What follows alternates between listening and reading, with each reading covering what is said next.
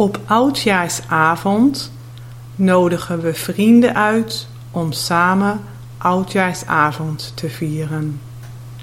Ik bak de oliebollen. Oliebollen zijn deegballen met rozijnen en stukjes appel in de olie gebakken. Het lekkerste zijn ze als ze nog wat warm zijn. Je eet ze met wat poedersuiker erop.